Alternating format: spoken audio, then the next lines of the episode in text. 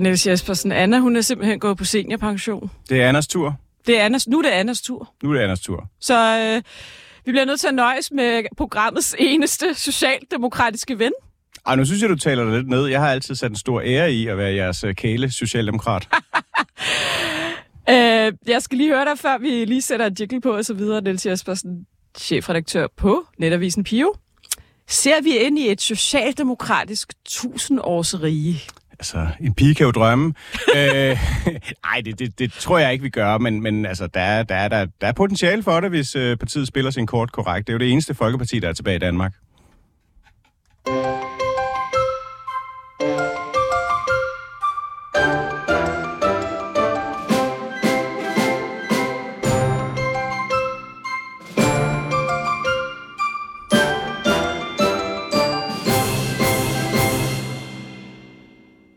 Det, det grundlæggende handler om, det er det, der hedder det socialt specialiserede område, som år efter år efter år bliver ved med at stige, og der er ikke kommet betaling mellem nogle af årene. Og det betyder helt konkret, at alle kommuner står i stort set hvert år, også tidligere år, og skal skære på almindelig velfærd, på klimatiltag, på kollektiv trafik og, og lignende. Og, og det vil jo blive ved, hvis ikke man betaler, hvad det koster, eller også øh, går ind og kigger på ændret lovgivning på området. Man kan, ikke, man kan ikke gå begge veje, og så bliver man selvfølgelig lidt, når der får, får at vide, at der er penge nok, når vi ikke har fået, øh, fået penge til det område, som fylder så meget i kommunen.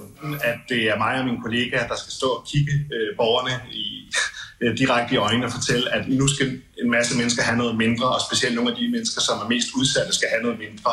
Øh, så er det jo klart, når de så læser øh, nyhederne og får at vide, at der er masser af penge, så er der jo en, en, en kontrakt mellem politikerne, hvor man kan sige, det hænger ikke helt sammen. Øh, jeg skal tage testen sammen med de andre, og de andre mener, at, at der er en masse gaver, der, der bliver givet, og, og, og det synes jeg egentlig ikke er helt i orden. Ja, velkommen til Mette og de Blå Mænd. Mit navn er Sanne Fane, og i dag er der en gæstemedvært. Han hedder Niels Jespersen. Og ja, Niels Jespersen, du er her måske lidt i dag for at ja, forsvare Socialdemokratiet, kunne man måske godt sige, fordi der er lidt pres på i øjeblikket. Det er jo, det er jo ofte mit, øh, mit hvad hedder det, kors og bære, når jeg optræder i andre medier. Skønt arbejde. Jeg har fundet en gammel artikel frem, Niels Jespersen, fra 2016. Det er en artikel i Jyllandsposten. Det er et interview med Mette Frederiksen, som på det tidspunkt øh, er formand for Socialdemokratiet. Øh, forholdsvis nyvalgt formand, og hun er ude og tage et opgør med Bjørn Kordon og Helle Thorning. Overskriften hedder, S-formand tager afstand fra store reformer, der skal skaffe flere hænder. Spol frem til et interview i Jyllandsposten, nej, slutter Berlingske for et par uger tilbage, med de tre regeringsledere i SVM-regeringen, hvor de siger, vi mangler ikke penge, vi mangler arbejdskraft, det er den nye valuta i dansk politik, og nu skal de i gang med en masse reformer. Det var også grundlaget for den regeringen. Hvordan synes du, de to ting øh, harmonerer? Jamen, en lille ting arbejdsudbud og arbejdskraft, det er meget teknisk. Det er faktisk ikke det samme. Altså, nu har jeg snydt hjemmefra og også læst den artikel, øh, og det hun tager afstand fra ved Torning og Korridoren, altså Mette Frederiksen, det er jo øh, de her forringelser af dagpenge, af kontanthjælp og af seniorførtidspensionen. Undskyld, af, af førtidspension hedder den som var den form for, kan man sige, arbejdsudbudsreform, man lavede på det tidspunkt. Øh, og det har regeringen jo faktisk ingen planer om, at øh, måske ud over senior, førtids, seniorpensionen, øh, at, at forringe de ting her. Om, omvendt, altså til tværtimod har den forrige regering jo faktisk forbedret dagpengene øh, og ja, indført men nu taler vi om den nuværende regering. Ja, men den forbedrer faktisk også dagpengene. Den her 110 procents dagpenge for, for ufaglærte, der vil øh, videreuddanne, så den bliver jo gjort permanent. Jeg synes ikke i den her artikel, hun nævner særlig meget om kontanthjælp og dagpenge. Altså hun, hun, hun, skriver, hun siger for eksempel, vi bliver nødt til at få kortlagt af regeringen, hvordan dansk økonomi præcis har det, og så tage den derfra. Men store arbejdsudbudsreformer er ikke groet i vores have, og det her er svært ved at se, at de skulle komme til. Hun siger ikke, at det er nogle specifikke ting. Altså for eksempel kan vi jo tale om om lidt, at i efteråret skal regeringen tage hul på en forhandling om en kæmpe skattepakke, hvor de vil lette skatten med 5 milliarder, blandt andet og det glemmer vi jo lidt i al den her top-top-skat-snak. Vil de jo faktisk lempe topskatten rigtig markant. Det er korrekt. Øh, ja, for de allermest velstillede. Så det er jo også en arbejdsudbudsreform.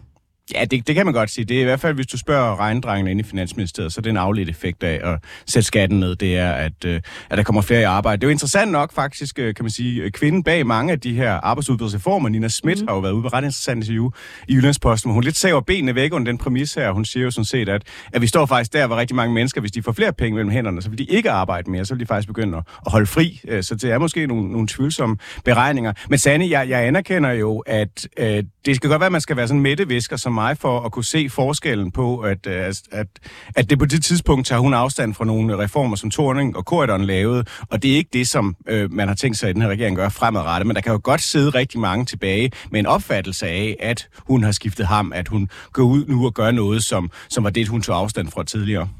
Vi skal også snakke om de frustrerede borgmestre om lidt, fordi der er jo både en masse S-borgmestre, der har været ude og brokke sig den her uge, men faktisk her til morgen også en række venstreborgmestre. Men først vil jeg gerne lige spørge dig, og nu tabte jeg tråden, Niels. ja, om, om de borgmester her. Altså, jeg tror, nej, det var faktisk ikke det, jeg ville spørge dig om. Øh, jo, det gamle socialdemokratiske valgmantra. God gamle socialdemokratiske. Det var jo velfærd eller skattedelser. Velfærd frem for skattedelser. Venstre har i mange år sagt, vi kan gøre begge dele. Vi kan gøre det helt mere smart, få bedre velfærd, og samtidig kan vi give skattedelser. Nu er Mette Frederiksen jo også købt ind på det spor, der hedder, vi kan både give skattedelser og sikre en bedre velfærd. Så kan vi lige snakke om borgmesterne om lidt. Det er da også nye toner for Socialdemokratiet. Det må du da erkende. Det var det, de gik til valg på. Velfærd og skattelettelser? Ja, altså Socialdemokratiet gik til valg på skattelettelser på 4 milliarder kroner. Men er det ikke et opgør, mener jeg, med det gamle mantra? Det, det er et spørgsmål. Altså, Socialdemokrater har jo ikke historisk været bange for at sætte skatten ned. Jeg tror faktisk, at Poul Nyrup måske er en af dem, der har øh, Danmarks rekord i øh, den disciplin. Øhm, så så det, det er ikke noget, der ligger i partiets ideologi, man ikke kan gøre det. Men jeg tror, det er enormt udfordrende, fordi at, altså, vi står i en situation lige nu, hvor mange i hvert fald oplever, at velfærden den er kronisk underfinansieret mange steder. Og, øh, og jeg tror også, at mange danskere måske godt kunne være der, hvor de, apropos at have, at have velstand til det selv, altså går ud og køber private løsninger, og derfor ligesom mister incitamentet til at ville betale for de kollektive løsninger. Og, og, og hvis det begynder at brække over, at store dele af middelklassen, de ligesom opgiver sådan, øh, den, den fælles øh, velfærdsmodel, altså så kan det blive rigtig, rigtig giftigt for øh, både velfærdssamfundet, men også for, for Socialdemokratiet. Hov, jeg glemte lige at tease for, at vi senere i programmet har Brian Weikart med fra Ekstrabladet, som skal fortælle lidt om en fantastisk øh, rubrik, jeg faldt over i løbet af ugen, som hedder Hashkaos hos Moderaterne, ordfører i oprør. Og når jeg forestiller mig sådan nogle hovedløse høner rende rundt med et kæmpe joints og i total skævhed. Øh, jeg tror ikke, de løber rundt. Jeg tror mere, at de bare sidder meget, meget stille og kigger lidt tomt ud i luften. Ja, okay. Med en ordentlig bunk, ja. måske. Nå. Øh, det skal vi tale om senere. Vi har også en lang række punkter under personalnyt. Men skal vi lige tage de her borgmester, fordi Niels, regeringen er jo taget på charmeoffensiv med Anders Breinholt. De skal over det hele Danmark. De har en kæmpe bus. Det er sådan helt amerikansk. De skal tale med Breinholt om, jeg ved det ikke, faktisk ikke helt, livets tilstand, et eller andet. det, det er det, apropos øh, pensionsopsparinger, så tror jeg, at Anders Breinholt han, øh, kan gå meget tidligt på pension efter sådan en turné. Det er ligesom Anna. Så på den måde er der en form for uh, keynesianisme ja. i det, hvor man ja. spreder nogle penge ud. Uh, om det bliver den største positive effekt af det her, det kunne jeg godt have en mistanke om. Ja, ja, altså, det, det er jo sådan noget klassisk noget, hvor man spørger politikere, hvorfor går dårligt meningsmål, og siger, at det er ikke politikken, der er noget galt, men det er bare kommunikation, vi skal forklare det bedre, ikke? Og så tager man på de her uh, rundture. Ej, altså, jeg må sige, kan du huske dengang, at uh, Ellemann, han sagde, at, uh, at den her regering er jo ikke, hvad var det, han kaldte det, teknokratisk monster. Og der tænker jeg bare, så det der, det er præcis, hvad et teknokratisk monster vil sige, den her regering var. Altså, jeg tror aldrig, den her regering kommer til at få en fortælling, som er stærk nok. Jeg mener, de ligesom har... når Pape bliver nødt til at sige, ja, jeg er indstillet til igen at blive valgt som formand. Det behøver man jo heller ikke, hvis, hvis det er står hugget i granit, at ja, det skal netop. man selvfølgelig være. Så behøver man jo ikke at gå ud og sige det. Altså, ja. hvis, hvis man taler med menige medlemmer af, måske ikke Moderaterne, men af Socialdemokratiets og Venstres folketingsgruppe, så vil sige, at regeringsstoppen har ganske svært ved at forklare deres egne MF'ere, værdien af den her midterregering. Så ideen om, at de skal gå ud og sælge det til, øh, til befolkningen, kan jeg godt være skeptisk for. Jeg tror, at den her regering skal måles på sine resultater, så måske skulle de tilbringe lidt mindre tid i turbussen, og lidt mere tid inde i regeringskontorerne ved at gøre noget ved ventelisterne og den skræntende velfærd, skal vi og alle tage de tusind det? Skal problemer, vi som vi slås med. Fordi i løbet af ugen, der har en række Esbermester været ude og sige, vi skal spare ja, milliarder faktisk på de kommunale budgetter. Tidligere på året var regionsrådsformændene ude at sige det samme. Og man har jo lavet både stramme øh, aftaler med regionerne og stramme aftaler med kommunerne. Og kan du ikke lige måske udlægge, nu tager du eksperthatten på her, hvorfor ser vi øh, de her stigende udgifter i kommunerne i de her år, og regionerne også? Det er der jo mange gode grunde til, og de er også forskellige fra kommune til kommune, men, men noget af det, som blandt andet Nicolai Vammen jo kom lidt øh, galt afsted med at nævne, det var for eksempel, at udgifterne til handicapområdet, de eksploderer, udgifterne til øh, specialundervisning i folkeskolerne, altså de eksploderer, så selvom om det kan man sige, udgifterne faktisk følger øh, det demografiske træk, kalder man det, men det er teknokratisk, ikke? Men sådan noget med, at vi bliver ældre og flere, og så skal pengene også følge efter. Øh, så kan den enkelte borger faktisk godt opleve, at der kommer meget færre penge til vedkommendes område, fordi at der bliver brugt rigtig mange penge på, på de her områder her. Ja, og, og det man jo så for, for eksempel vil gøre, som jeg ved, Jakob Mark fra SF har været ude og tordne imod, det er jo, at man for eksempel vil lave nogle besparelser på, på folkeskolen. Og det er jo så hvis vi skal forklare det, der er jo stigende udgifter i de her år. Det er simpelthen noget med, at medicinpriserne de stiger. Vi er i Danmark utrolig dårlige til at forhandle dem ned. Det er man faktisk bedre til i andre lande. Det bliver vi slanke af det. Nu gør ja, Novo Nordisk, det kører for dem. Og så er det jo faktisk også det her handicapområde. Og så synes jeg faktisk godt, nu vi øh, snakker om det, vi lige kan tage ugens skraldmand. Socialdemokratiet lyver aldrig om noget. Derfor har jeg i dag meddelt øh, statsministeren, øh, at jeg ønsker at udtræde af regeringen. Socialdemokratiet lyver aldrig om noget. Nu vil jeg heldige mig min kæreste. Det er min, uh, helt min egen afgørelse. Ugens skraldemand, det er nemlig Nikolaj Vammen, som i denne uge er blevet nødt til at gå ud og rydde op efter sig selv. Det har vi faktisk haft en del uger, hvor, hvor de må ud og rydde op efter sig selv i regeringen. Og det er jo fordi, at han på pressemødet, hvor han fremlægger finanslovsforslaget, jo siger, at det er netop stigende udgifter til, til, til blandt andet handicapområdet, som belaster kommunebudgetterne. Og det har faktisk ført til noget af en shitstorm fra blandt andet nogle handicaporganisationer, som har sagt, du talte nærmest ned til os her. Jeg kan lige læse lidt op fra hans øh, opslag, hvor han så går ud og rydder op for sig selv. Kære alle, Tak til alle jer, som har skrevet på et opslag, jeg lagde op efter præsentationen af finansloven. Mange af jer reagerede på den del af pressemødet om finansloven, hvor jeg spurgte til kommunernes vanskelige økonomi, og hvor jeg svarede, at det blandt andet skyldtes stigende udgifter på det specialiserede socialområde. Jeg er rigtig ked af, at det er blevet opfattet som en kritik af mennesker med handicap og deres helt berettigede behov og gode tilbud. Det er så en længere øh, opslag.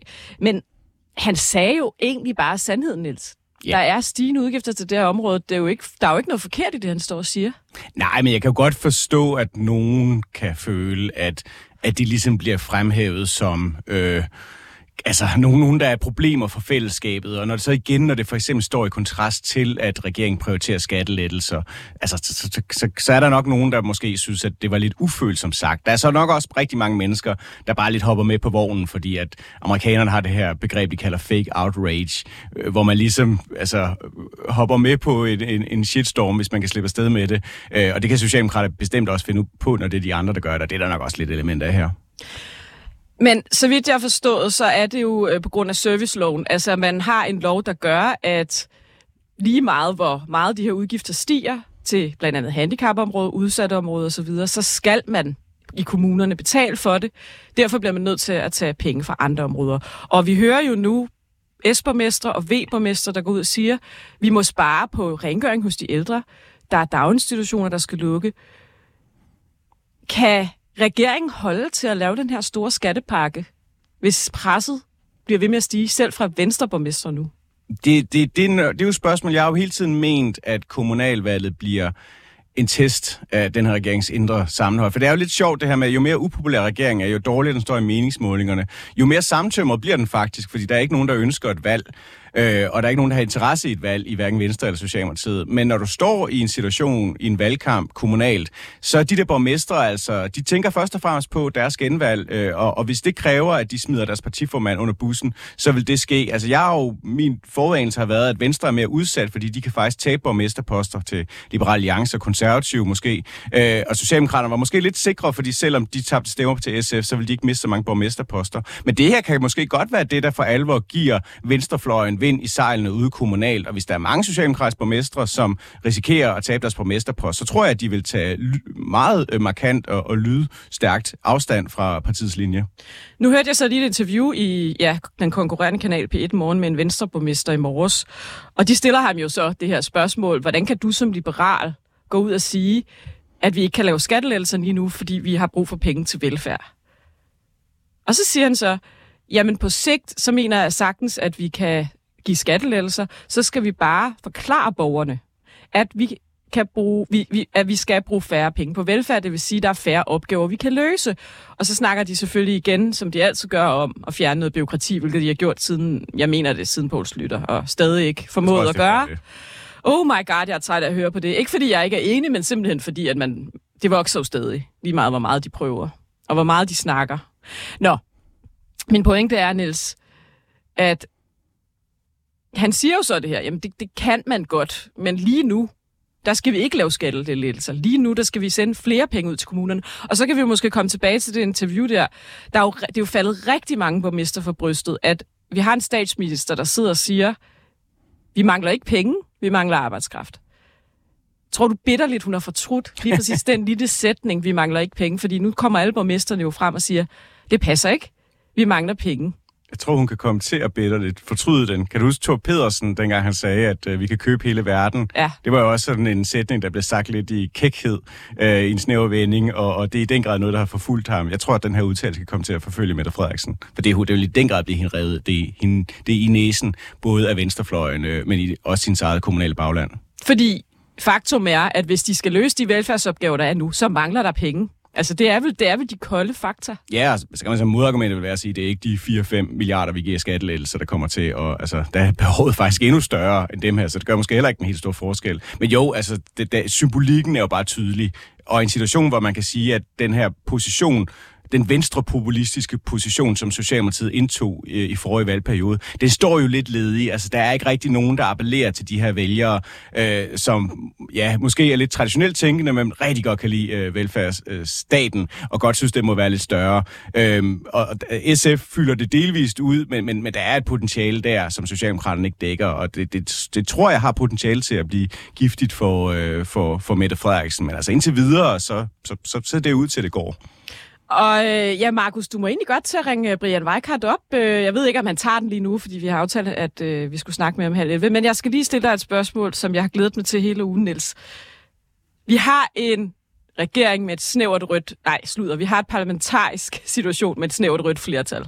Ja, hvis du med om de radikale og alternativet som røde, ja. Ja. Men har vi egentlig ikke reelt set en borgerlig regering i Danmark? Nej, jeg, jeg synes, vi har en midterregering, som har klare borgerlige elementer, men den har altså også nogle klare socialdemokratiske elementer. Okay, så nævn lige øh, tre borgerlige og tre socialdemokratiske elementer, som den her regering øh, Ja, det, nu er jeg jo ikke ekspert på, hvad der er det borgerlige, men jeg vil sige, altså skattelettelse og styrkelse af forsvaret, det, det, det er vel sådan relativt... Arbejdsudbudsreform. Øh, arbejdsudbudsreform og, øh, ja... Udenlandsk ikke... arbejdskraft. Ja, øh, ja, ja, det, det, det, det, det vil nok være, være i den blå Styrkelse af iværksætteriet. Mm, ja, det er jo ikke noget, som, som Venstrefløjen er nødvendigvis uenig i, og Socialdemokratiet. Jeg, jeg er nok mere ekspert på, hvad der kan man sige de socialdemokratiske elementer. Altså, jeg synes jo, det vigtigste, mest afgørende, og noget af det, journalister interesserer sig allermindst for, det er, at faktisk, at pengene følger det her demografiske træk. Frygteligt teknokratisk betegnelse, men altså groft Bare ikke lige handicap og øh, medicin. Jo, men det, det, det, det, det er jo det, det gør, og, og det er jo så derfor, at, at selvom om pengene sådan set følger med. Det gjorde de jo ikke under Lars Løkke. Der havde man afprioriteringsbidraget. Det, det er den dyreste, kan man sige, reform, den forrige regering lavede, og den, der nok fik mindst credit for.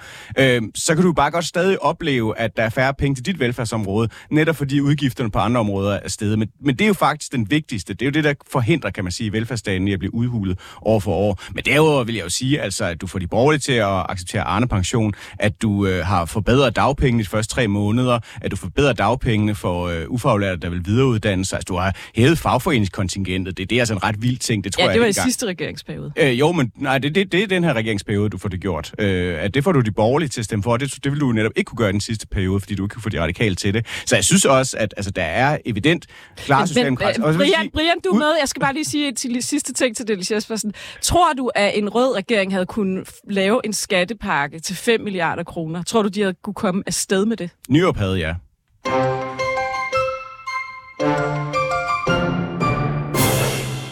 Brian Weikart, er du med? Ja, jeg er med. Hvad er dit, Hej, Brian. svar, hvad er dit svar til det spørgsmål, i øvrigt? Du må, du, må, du må undskylde mig, for jeg er kommet ind lidt sent, så jeg har slet ikke hørt noget spørgsmål. Så Nå. der må du altså lige hjælpe mig. Jeg spurgte bare Niels Jespersen, som øvrigt er min medvært i dag, fordi øh, Anna Thysen er gået på seniorpension. Øhm, jeg spurgte Niels Jespersen, som jo er, du ved, ham for Pio, du kender ham, Jeg kender ham. om øh, han tror, at en, en, øh, en borgerlig regering vil kunne gennemføre en skattepakke på, på 5 milliarder kroner. Jeg tror faktisk, du spurgte det er et meget godt spørgsmål. Det, det, det, det kan man jo ikke vide. Jeg kan ikke vide det. Nej, Det kan jeg simpelthen ikke vide. du er ikke en spåmand. Jeg er med den borgerlige. Få kunne. Vela kunne ikke. Brian Weikart, du er slet ikke med i den anledning. Du er med, fordi I på Ekstrabladet jo i kølvandet på, at Peter Hummelgaard vil fordoble blandt andet, øh, hvis du bliver taget med ved at købe hash ud på Pusher Street, straf, straffen. Så har I lavet nogle fantastiske historier, blandt andet den med rubrikken Hashkaos hos Moderaterne. Ja. Hvad er det for et hashkaos, øh, den historie har sat gang i hos øh, Moderaterne? Jamen, det er jo, at, øh, at øh, de ikke kan finde ud af, hvad de mener. Og de, det, de så er endt med, det er så at gøre det modsatte af det, de slog sig op på øh, ved valget, de ville gøre. Nemlig, at hvis man havde noget ulovligt stof i lommerne, så skulle det være straffrit. Det var det, Lykke lavede en lang kronik om med Anna Godfredsen fra hans parti. Øh, denne her sådan, virkelighedens stemme, som han brystede sig af at have fået ind på borgen. Og nu øh, kører Lykke så sin virkelighedens stemme over og gør det modsatte af det, han sagde. Nemlig, nu vil man fordoble straffen for at have noget ulovligt i lommerne til eget brug. Det skal jo lige siges, at du er jo vært på podcasten Ingen Kommentar, som jeg er trofast lytter af, og det er blandt andet her, jeg har hørt jer snakke om det her emne. Og så er du, ja, hvad er egentlig din titel over på Ekstrabladet, Brian Weikart? Jeg er noget så fint som journalist. Ja, flot. Det kan ikke blive finere. Du har ikke, du har ikke en eller anden smart uh, analytiker eller sådan noget, som de bruger i DR. Nej, det behøver vi ikke. Okay. Det behøver vi ikke på Ekstrabladet. Men de har en podcast med Christoffer Meil og Emma Busk. Gå ind og hør den. Den er skidegod. Øhm, Enig. skal vi lige, skal vi lige spole tilbage? Fordi det hele udspringer jo af, at man, ja, hvad er det, Peter Hummelgaard vil ude på Christiania? Jamen, øh, man vil lave nogle, nogle særlige øh, zoner, hvor politiet kan stoppe folk på gaden og rode deres lommer, og så kan man få dobbelt straf, hvis man har noget, der er ulovligt nede i dem. Også selvom det bare er til eget brug. Og Øh, Ja. Og det er jo gammelkendt. Det er jo jeg skulle lige til at sige, har vi ikke hørt det før? Jeg har vi hørt masser af gange før. ja. Altså, øh, men, men der er jo det særlige med Lars Løkke, at øh, da han skulle profilere partiet, så var han jo en revolutionerende kraft i dansk politik lige pludselig. En, en moderne fritænker. Og derfor ville han jo øh, sørge for, at ingen skal blive straffet for at have noget, som kun er til eget forbrug. Man skal ikke kunne straffes for at skade sig selv. Det var hans meget moderne øh, tagline inden valget. Og nu er det så efter valget, og så er Lars Lykke bare igen Lars Lykke, som vi kender ham. Dobbelt straf. Så, Det er pænt skævt. og så Det er en er det. Det er en rigtig narkovending. og så er det sådan, at Anna Godfredsen, som er deres udsatte ordfører og har arbejdet mange år i gadejuristen, går ud, og, og det er derfor, I skriver hashkaos og narkovending og det ene og det andet, går jo stik imod partilinjen, selvom hun er ordfører på området, eller, eller hvad er det, hun går ud og siger? ja, der er jo det særlige ved hende, at hun jo holder partilinjen. Ja, det ja, nå ja. Det er jo, hun, altså, hun holder faktisk bare partilinjen. Ja. Jeg mener, det hun altid har ment, det er jo Lykke, der har drejet rundt på en tallerken, og nu gør det, og nu gør det modsatte af det. Han, skrev, han skrev endda en kronik med Nana Godfredsen, en meget, meget lang kronik i politikken inden valget, hvor, hvor, hvor han jo virkelig slynger sig op, og virkelig svinger sig op på det her. Altså, nu må vi simpelthen gøre noget radikalt nyt, noget vi aldrig har gjort før. Slut med straf for at have noget i lommerne til eget brug, og, og, og det er jo bare det, han har hældt totalt af brættet, og har endda fordoblet det, som åbenbart var idiotisk at gøre før valget. Øhm, har han selv sagt noget? Altså, har I prøvet at få fat på ja. ham? Øh, ja.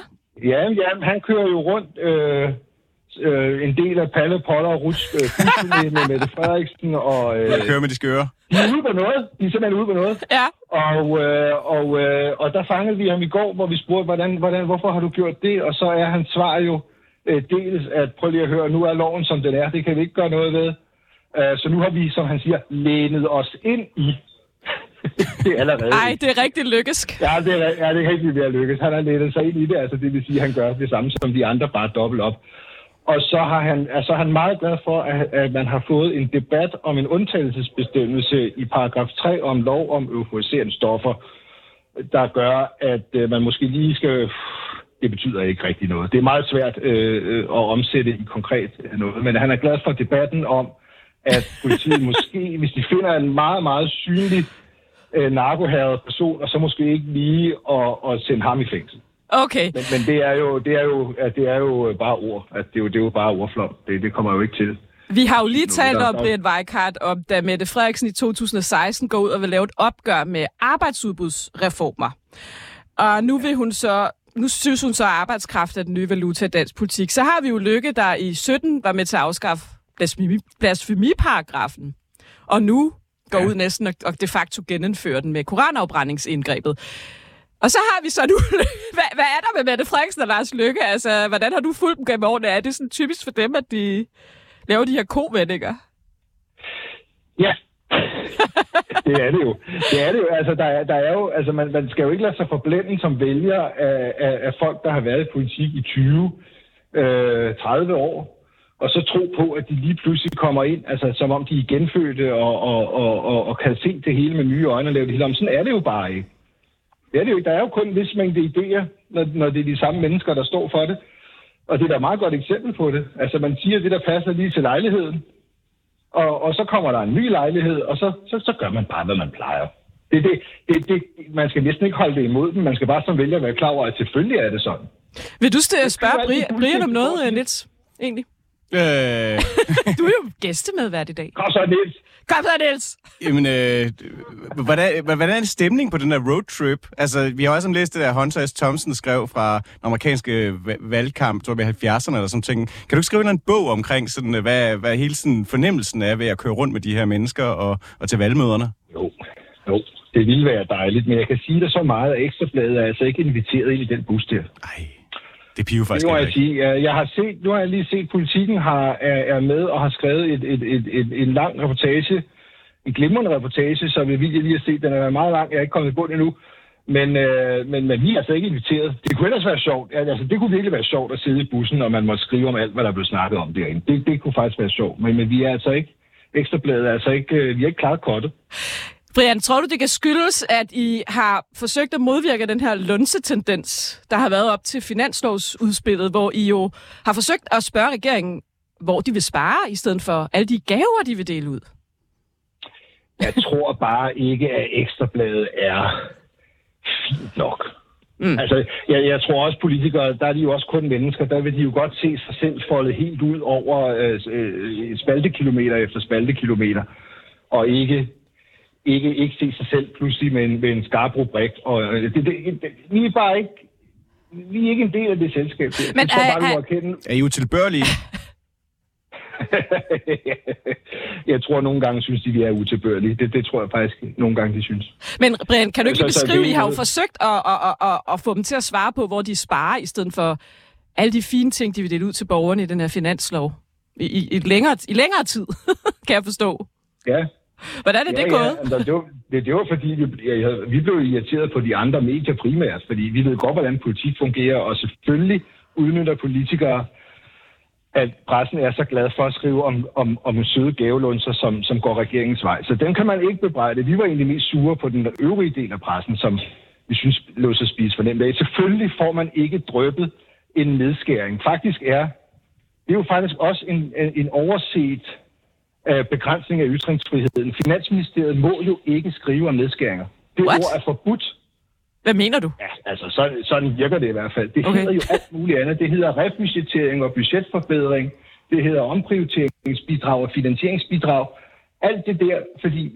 Ja. Ja. Så det er, jo, det er jo forbudte ord, og selvfølgelig kan man ikke banke på døren og sige, kom med en god nedskæringslunds. Så siger Nikolaj Vammen, hør her, altså når man spørger om det, så siger han, prøv lige at høre her, se det nu i sin helhed, når det bliver lagt frem. Så er det sådan meget voksen at Ja. vente på helheden, men når det er gavelunser, så skal man ikke vente på nogen helhed, så skal man have alle mulige obskure drøb. Og det var jo om- det, vi om talte med... millioner Til det ene. Ja, Ja, jamen, det er jo bare det jo en kæmpe fors, kæmpe hyggeleri, kæmpe hyggeleri, som det plejer. det var det, vi talte med Martin Aarup sidste uge. Du kan faktisk ikke kalde det gaver, fordi øh, gaver er jo noget, du giver gratis. Altså, det er jo ikke noget, du øh, får mod, modydelse for, men når du, når, du, når du giver noget i finansloven, så skal du jo spare på et andet område. Så det der med, at, at mange medier kalder det gaver, det er jo sådan fuldstændig Det er jo forfejlet. også vores egen penge, du. Det er jo nemlig vores egen penge, det snakker vi også med om. Jeg skal lige høre dig til allersidst, Brian.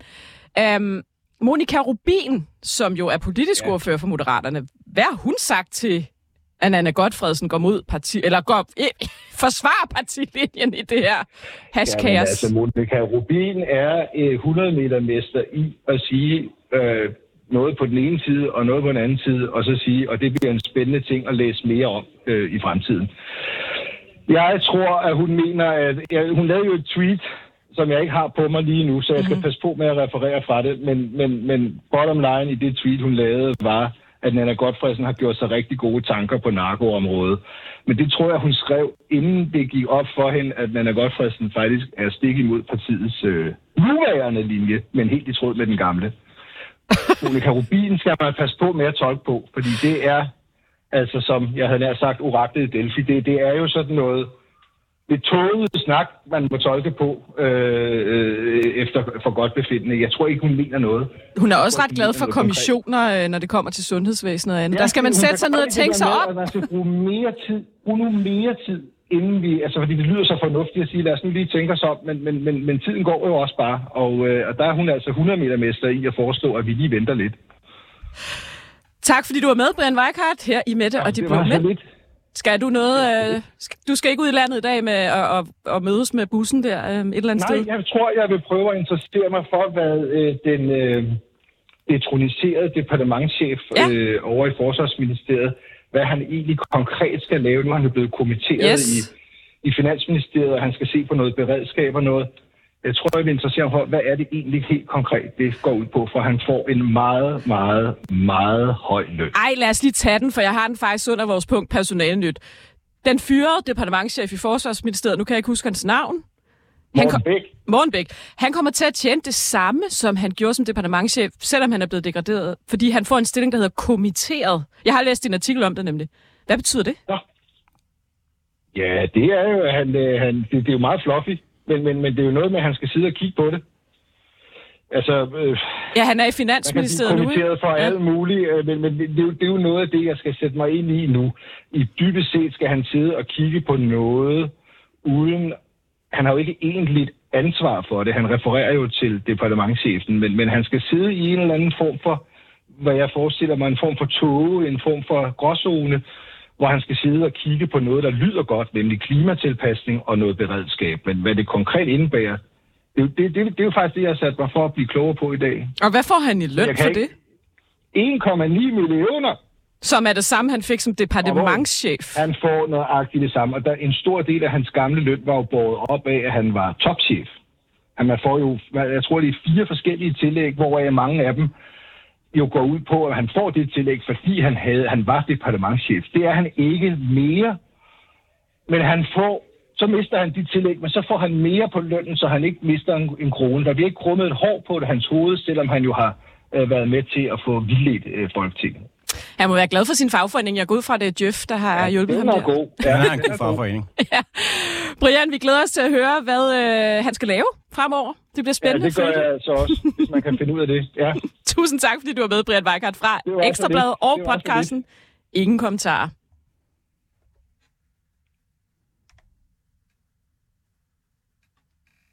Jeg prøver at sætte en jingle på. Hvorfor kan jeg ikke det? Det er, fordi jeg slukker for, for karten. Ja. I stedet for, fordi jeg... Yes, der var den. Medlemmerne synes, at jeg skal være den, der skal overtage stafetten fra Pernille. Jeg tror tilbage. Det er, for at være ærlig, lidt øh, mærkeligt. Og, og så kom den her mulighed i Bryggeriforeningen, og det vil jeg bare enormt gerne. Personale nyt.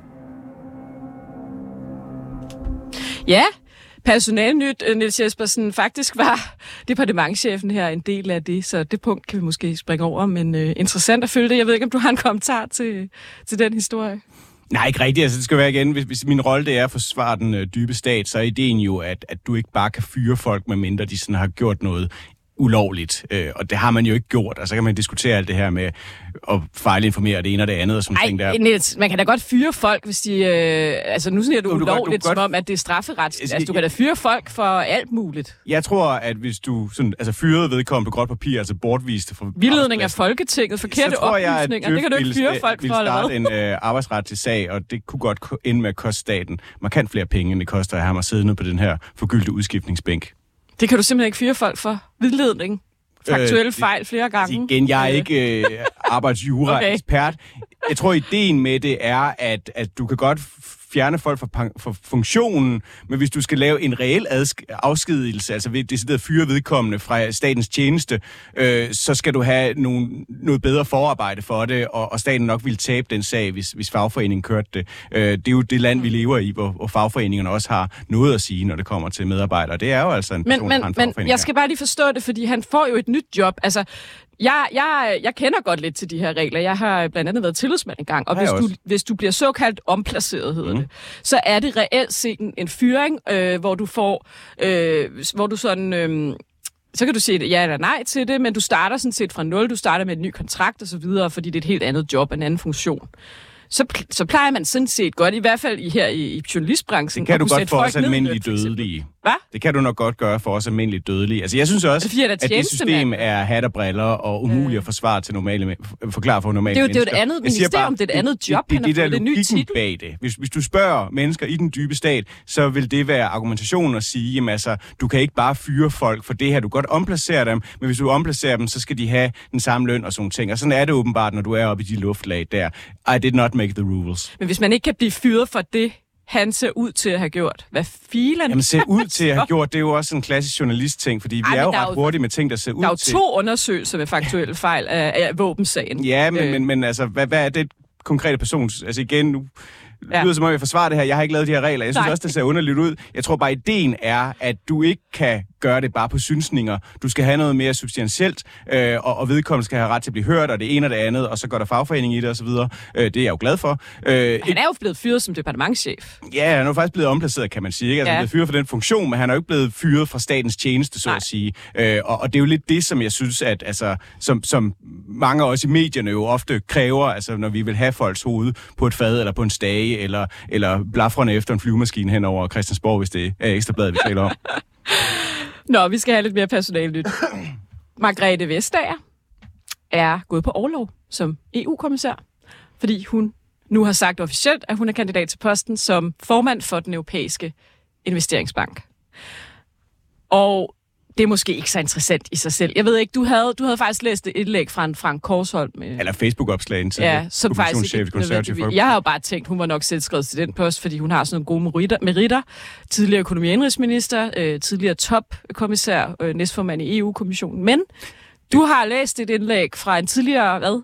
Ja, du kan selv få lov Ja, det, det, det er Frank Korsholm, han er meget værd at følge på Facebook, ja. en uh, tidligere konservativ pressechef, eller Ja. Presserådgiver, jeg kan lige huske det. Må, må jeg ikke lige starte et andet sted? Apropos det, det her med, at øh, der er nogle andre regler for folk i, i højere toplag, end der er mig, ikke? Fordi det er sådan lidt sjovt det her med, nu går jeg på overlov for at søge et andet arbejde. Altså, det er sådan... Men jeg siger ikke, at mit det arbejde, Nej, jeg nej, har op. vil, vil, vil du kunne Og jeg sige- vender tilbage, Vil du jeg gå til Simon? Andersen og sige, jamen, altså, ved du hvad, jeg, jeg, jeg vil gerne være generaldirektør i DR, så, så jeg, Ja. jeg er lige væk det næste halvårs tid. Hvis det, ikke- hvis det ikke bliver sådan noget, så kan det være, at jeg kommer tilbage. Jeg ved godt, det er anderledes Ej, der. jeg tror, jeg vil fyre mig rimelig hurtigt. Tilbage til, øh, til hvad Frank Korsum skrev. Som, jeg, jeg ved ikke, om det er rigtigt. Jeg synes bare, det giver god mening. Det er jo, at der er jo altid noget bytte-bytte-købmand i den her proces med, at øh, hvis øh, hun skal være chef for den her investeringsbank, så skal Danmark ud og kræve nogle tjenester ind. Og det, han siger, det er, jamen, altså, om, om der skal laves en ny EU-kommission om, om nogle år. Øh, og Om hvis, et år. Om et Ja. Mm. år, ja. Og, og hvis Danmark ligesom har brugt alle sine tjenester på at skaffe et godt job til, til Margrethe Vestager, så har man færre tjenester at hive ind, når vi gerne vil have en god kommissærpost i fremtiden, som kan gå til en solid venstremand eller socialdemokrat, eller måske endda en moderat, mm. som er dem, der bestemmer. Og Margrethe Vestager, der er ikke særlig mange, der skylder hende særlig meget. Så det er- logikken er at hvis vi skal analyse. forhandle noget fedt hjem øh, et andet sted i systemet, så kan hun ikke få den her post. Men altså, man kunne jo også argumentere for, Niels Jespersen, at hun er dybt kompetent. Ja, men det, den. det, det gælder bare ikke i særlig høj grad i det system der. Det er ikke et handicap, det kan være, men det er ikke altid et handicap at være meget, meget kompetent. men jeg tror, at de andre kandidater er heller ikke nødvendigvis savlende idioter. Altså, hun er også dygtig, og jeg synes også, medierne er også rigtig dygtige til at fortælle om, hvor utrolig kompetent hun er. Øhm, det er bare sådan, at hvis du skal have en høj post i en investeringsbank, jamen så kan du risikere at sidde tilbage med en fiskerikommissær på senere, fordi så synes folk Danmark, som er et lille land, har fået rigeligt. Øhm, og ikke noget ondt sagt om fiskeri, det er et vigtigt erhverv, men, men jeg tror, at Danmark stiler lidt højere, øh, når vi, der skal uddeles kommissærposter, og så skal man ikke brænde al kapitalen af på øh, en investeringsbanks øh, position, som måske ikke er særlig vigtig for Danmark, og man skal måske heller ikke fra Venstre, Konservativ og liberale, undskyld, og, moderaternes side, brænde særlig meget krudt af på en radikal, som man jo faktisk heller ikke skylder mm. specielt meget. Det giver faktisk mening. Skal lige hurtigt runde? Der skal udpeges en ny kommissær med et års tid. Der er øh, Europaparlamentsvalg, så nedsætter man typisk, eller det gør man hver gang, en kommission. Efter det, Hvem tror du, det bliver? Altså, vi har en, tre, en trepartiregering nu øh, hen over midten. Øh, der er vel en masse forskellige hensyn der. Altså, sidste blev det jo under Torning en radikal. Selvom man normalt vil vælge en socialdemokrat under en socialdemokratisk ledet regering, øh, kunne Mette Frederiksen finde på at pege på en moderat eller en venstre mand. Ja, det kunne hun godt. Øh. Den er jo spil, og den er i forhandling. Og øh, man må bare sige, at altså, Moderaterne, altså, det er ikke sådan, at deres folketingsgruppe buner af... Det kunne, Jon Steffensen skulle man synes. Kunne man det være med ham på den måde at få en øh, ny... Ja, det tror jeg nu ikke, Lars Løkke selv?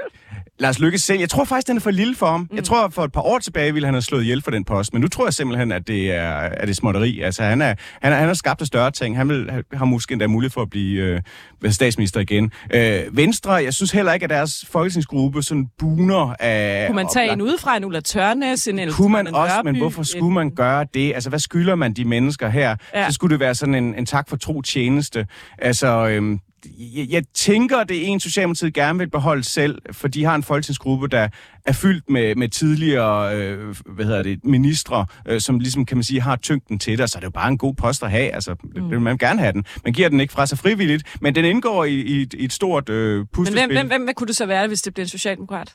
Jamen altså, Dan Jørgensen er jo suveræn, kan man sige, den, der, der altså, nu snakker vi kompetencer, mm. som, som har tyngden og kompetencen til det. Spørgsmålet er, om han gider det, fordi han godt kunne se det som, at det var et tilbage skridt rent øh, karrieremæssigt. Ah, han, han, han, at blive EU-kommissær i forhold til, hvad er han nu global klimaminister eller sådan et Ja, men det er sådan noget, jo, jo. Det vil jeg ikke sige, og jeg vil så også sige, at han har jo siddet i Europaparlamentet i, jeg mener, det er to perioder, det er faktisk øh, 10 år. Jeg mener også, han, han har siddet i Europaparlamentet, så han kender jo det system ja. indefra og ud, og så, så tænker jeg ikke, den ministerpost, han har nu, er super prangende.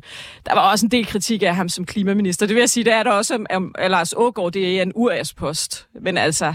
Men det, ja. det, det, det, han vil nok være mit bedste bud for Socialdemokraterne. Jeg synes ikke, den er sikker. Men, men må jeg komme med en, øh, jeg selv synes, en sjov, sjov øh, teori? Det må du i hvert fald. At jeg har nogle gange tænkt, nu, nu får du Venstre de her skattelettelser. Jeg ved ikke, at Socialdemokratiet også gået til valg på dem, men det er, det er også meget enormt til Venstre, ikke?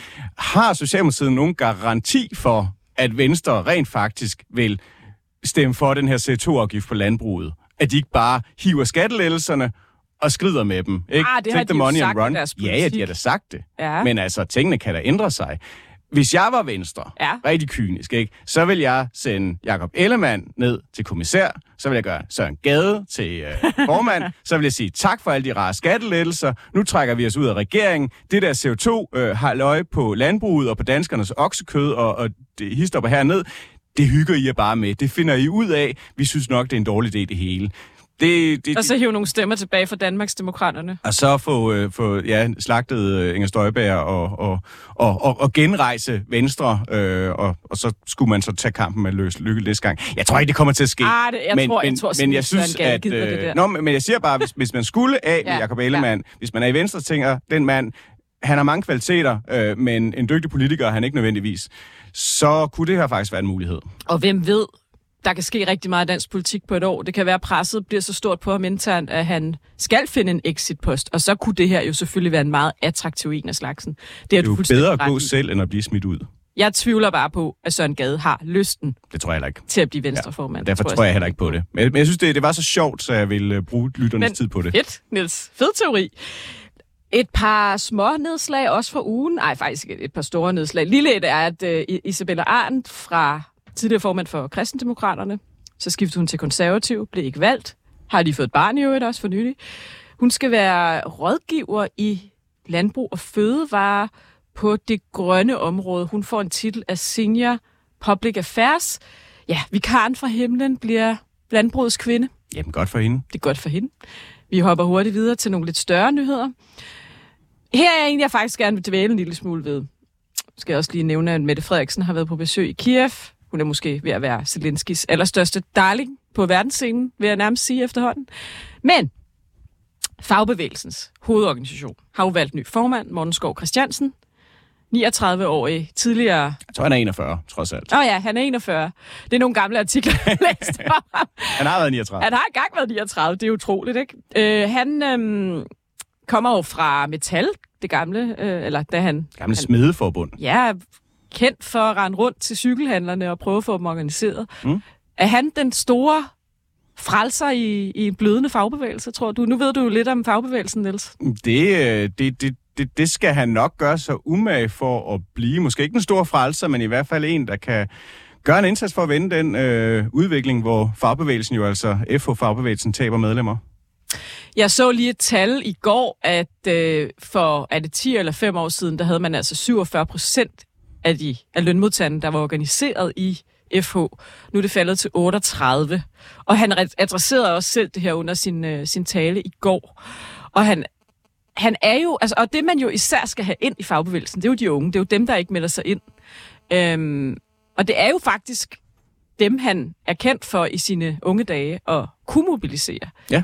Altså har han faktisk øh, en mulighed her for at gå ind øh, og få nogle unges øjne op for, at de skal melde sig ind i fagbevægelsen? Tror du, han kan klare den opgave, eller bliver vi ved med at se færre og færre unge, der organiserer sig? Jeg, jeg tror, han har gode forudsætninger for det, for han har også en alder, hvor, hvor han jo i princippet kunne blive mand, der lukkede og slukkede for det hele. Øh, så hvis det kommer til at gå virkelig galt for den danske fagbevægelse, så kunne det meget vel ske på hans vagt. Man har traditioner i fagbevægelsen for at, at sidde på sådan nogle poster ganske længe. Det er jo det rum, han nu skal udfylde, fordi at, at det, det er ikke nemt. Altså, mange tror jo, at man er chef for hele fagbevægelsen, når man er FO-formand, men det er man faktisk ikke. Altså, det er en paraplyorganisation. Det er en paraplyorganisation. De er meget stærkere øh, ude i forbundene. Altså, ja, det er det netop. Altså, Claus Jensen i Metal. Google, de er meget, meget stærkere. Ja, øh, og, og hvis Morten Skov vil have Dansk Metal til at gøre noget, så kan de sådan set bare sige, det kan du glemme, det kommer vi ikke til at gøre. Så på den ene side, så skal han jo have et mandat fra de stærke forbund til, at han kan agere som formand. Samtidig så skal han jo heller ikke, nu har vi fået, altså det er jo FH er en sammenslutning af det gamle FTF og det nye mm. og, det, og LO, mm. offentlige ansatte og privatansatte, og han skal heller ikke blive opfattet som en person, der er i lommen på nogle grupper. Han må ikke blive opfattet som i lommen på de offentlige ansatte eller de private. Han skal også kunne balancere øh, imellem alle de her forskellige hensyn, der er i fagbevægelsen. Øh, men Morten øh, Skov Christensen er en meget stor diplomat, øh, og også en person, der har god næse for det politiske spil, og har meget få uvenner, øh, hverken altså, eller uden at røbe for meget, så ved jeg, at han har forholdsvis tætte bånd til regeringen, altså tættere ja. end uh, Lisette Rigsgaard havde, og man kan sige, hun med hele, med hele sin store bededags kampen mod at afskaffe den, fik så måske også gjort rimelig upopulær i regeringen. Der tror jeg faktisk, at jeg tror faktisk ikke, øh, folk er klar over det, men jeg ved, at Morten Skov Christiansen har en, en ganske høj stjerne i, he, helt op i toppen af den danske regering. Og også højere end Lisette havde. Ja, det, det kan måske blive en fordel for ham, det, men det, det kan også være en ulempe. Det bliver i den grad en fordel. Men nu var jeg jo faktisk ja, ude til kongressen ja. i går, yes. øh, og noget, jeg synes, der var mest bemærkelsesværdigt i hans øh, tale, det var jo, at han tog afstand fra regeringsplanen om at hæve pensionsalderen. Øh, og der ligger han jo faktisk op til en ret markant konfrontation med øh, regeringen. Det, det, det, det minder jo lidt mere om, om Lisettes øh, konfrontationslinje, end den her. Det er han jo også nødt til, Niels, altså, fordi det er jo fint nok at have tætte bånd. Det er godt, når man sidder i et forhandlingslokale. Du skal jo også gå, kunne gå ud og sige regeringen imod, hvis den foretager sig noget, der ikke er fordelagtigt for Ja, men en god, god fagforeningsboss skal jo kunne begge dele. Ja. Han skal kunne stå med de røde faner og megafonen og, og sige tingene klart, men han skal også kunne gå ind i et forhandlingsbord eller forhandlingslokale og få nogle gode resultater til medlemmerne. Og, og det er jo det, som Morten Skov Christensen skal bevise, at han er i stand til. Øh, jeg, jeg tror, han har gode forudsætninger for det. Jeg er i hvert fald øh, optimist øh, på hans vegne, uagtet at opgaven den er ganske enorm. Jeg synes, kritikken er forfejlet. Kritikken over, at vi skulle være gået i regering. Vi havde svigtet alle vores vælgere. Vi havde stået og været lige så utroværdige, som Venstre var i dag. Og så det at sige, at vi ikke er konstruktive. Vi har været med i 13 ud af 16 store aftaler her i foråret. Dertil, så må man jo også bare sige, at, øh,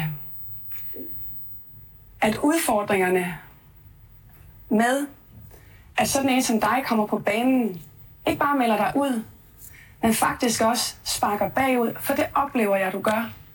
Det synes jeg er en vild, usigelig stor skuffelse. Jeg synes faktisk ikke, det er ordentligt. Jeg synes, at du er uordentlig, at du gør det på den måde. Et vildt øjeblik. Altså, Niels Jespersen, jeg ved ikke om... Mette Appelgaard. Nå, jeg ved ikke, om du nogensinde har prøvet at være i parterapi. Ikke? Altså, det har jeg. Det minder mig jo lidt om sådan en scene hos parterapeuten, hvor den ene siger, at jeg vil skille sig, den anden øh, får sit hjerte knus nærmest. Altså, bare lige for at male scenen op. Det var øh, Maja Mercado her, øh, tidligere konservativ minister, nuværende medlem af Folketinget. Jeg sidder i toppen af det konservative Folkeparti, som jo fortæller Lars Barfod råt for usødet, hvad hun synes om både det, han har meldt sig ud, men også den offentlige kritik, han er kommet med af den konservative ledelse. Han er jo så tidligere formand for partiet, men har meldt sig ind hos Moderaterne. Tokrummende øjeblik, øjeblik i God Aften Live her. Tak for lån TV2 er klippet. Øh, Hvordan, altså, jeg får helt ondt i maven, når jeg hører det. Jamen, det, det er jo, altså, jeg har aldrig været parterapi. Jeg burde måske have været der, men jeg har aldrig været der. Ja. det, det, det, det er jo et shit show. Altså, og man kan jo bare høre, at de er jo bare, de er trætte helt ind i knoglerne, og nerverne sidder helt ude på tøjet, og der er så meget skuffelse og vrede og aggression i luften, og det er lidt en konservativ specialitet. Altså, det er ikke, fordi man ikke har blodet i opgør i andre partier, men det er som om, at der er altid sådan lige element af, af følelse og drama, som jo selvfølgelig også, desværre for de konservative, gør det så underholdende for os i medierne at, øh, at følge med i. Ja, det kunne være, at vi skulle have spurgt Brian Weikart om det også, fordi Ekstrabladet kunne jo sidste uge øh, beskrive, at man har flyttet et hovedbestyrelsesmøde i det konservative Folkeparti til danske rædderier, uden at oplyse pressen om det. De ligger heldigvis altid lokaler til øh, borgerlige partier. De er meget gode venner med... med, med, med De aftager også øh, øh, aflagte borgerlige politikere og embedsfolk. Okay, ja. Og så kunne Ekstrabladet jo også fortælle, at partisekretær Søren Vandsø var, var rasende over, skrev ud i en mail, han var rasende over, at man lækkede mails. Skriver han i en mail, som så bliver lækket. ja, det er jo farse. Det er en farse, og, men det, jeg synes er interessant, og som vi lige kan tale om her, inden vi skal slutte, det er jo, at hele balladen begyndte jo med Pernille Weiss. Jeg tror næsten ikke, vi behøver at fortælle om forløbet længere, fordi det, det kender alle. Men jeg synes jo, det er gået over i at være en meget mere øh, politisk kritik end politisk uenighed, fordi de her forskellige koryfæer, man kan sige, de er ikke længere øh, i partitoppen. Men dem, der begynder at melde sig ud, øh, vi har en tidligere minister, vi har Lars Barfod, som også er tidligere minister, vi har John Wagner fra De Forenede Købmænd, tidligere generalsekretær osv., osv., osv. De, øh, de kritiserer jo sådan set ikke personer så meget. Ja, hvad, hvad er det, de kritiserer? Øh, det, det er politikken. Ja, og håndteringen. Mm. Altså, de kritiserer, at konservative folkeparti er gået til højre. Altså, jeg har også en lille podcast med en forhåndværende konservativ undskyld. pressesikker, øh, hvad hedder det? Den hedder øhm. Tingens tilstand. Tingens tilstand med Yes. Ben Damsgaard. Øh, Ja. ja. Og der har vi jo også fulgt den her øh, sag løbende. Og noget af det, som har været kritik, er jo lige så meget håndteringen af det her. Altså, hvorfor går Søren Pape så aktivt personligt ind i den her sag, som jo kun kan føre til, at han får snavs på fingrene. Altså i andre partier har man jo folk til at lave det grove arbejde. Men Søren Pape, han gør det til en personlig konflikt mellem sig selv og Pernille Weiss. Og, og, det er jo gået ret forudsigeligt ind i et kæmpe klosterfuck. Jeg tror, jeg har et svar på det. Nu når vi ikke at tale om, at der Berlingske har en lang historie om behind the scenes i hele det her forløb. Ja, men mit bud på det er, Niels, at, at man, øhm, man var nervøs for, at der ville komme en Karen Melchior-sag, fordi øh, man vidste, at Ekstrabladet faktisk var på vej med nogle historier om hendes ledelsestil. Jo, og det er jo også- og, og, og man vidste, det var på vej, og så blev man simpelthen nødt til at håndtere det, og så man troede efter, hvor godt det gik med at håndtere Nasser Carter-sagen. Øh, Den, den blev ligesom håndteret, en advokatundersøgelse blev lukket, bum, så var der ikke mere ballade om det. Så man måske troede, det ville være nemmere. ja, måske. Men, men klassisk for det konservative, så eksploderer det hele jo bare og bliver tusind gange værre, fordi lige nu vil de jo drømme om bare at have haft en Karen Melchior. Kan du huske, hvem Karen Melchior er? Okay, os to kan huske det. Jeg tror, der er mange danskere, der ikke aner medlem af Præcis, Europaparlamentet, som, som, var der skrev, om igennem hvad, et år til Ja, ja, og havde også nogle Øh, specielle ledelsesstrategier. Nu skal vi stoppe, Nils. Jeg er vildt glad for at have dig med. Tusind tak. tak. Ja, sorry, jeg afbryder dig, men øh, der er snart nyheder. Det er Så øh, Niels Jespersen, chefredaktør på Netavisen Pio, tusind tak, fordi du var med. Vi glæder os til at se dig igen næste uge. Jeg hedder Sanne, øh, Anna, jeg hedder Sanne Fane. Tak til Midt og det blev med for i dag.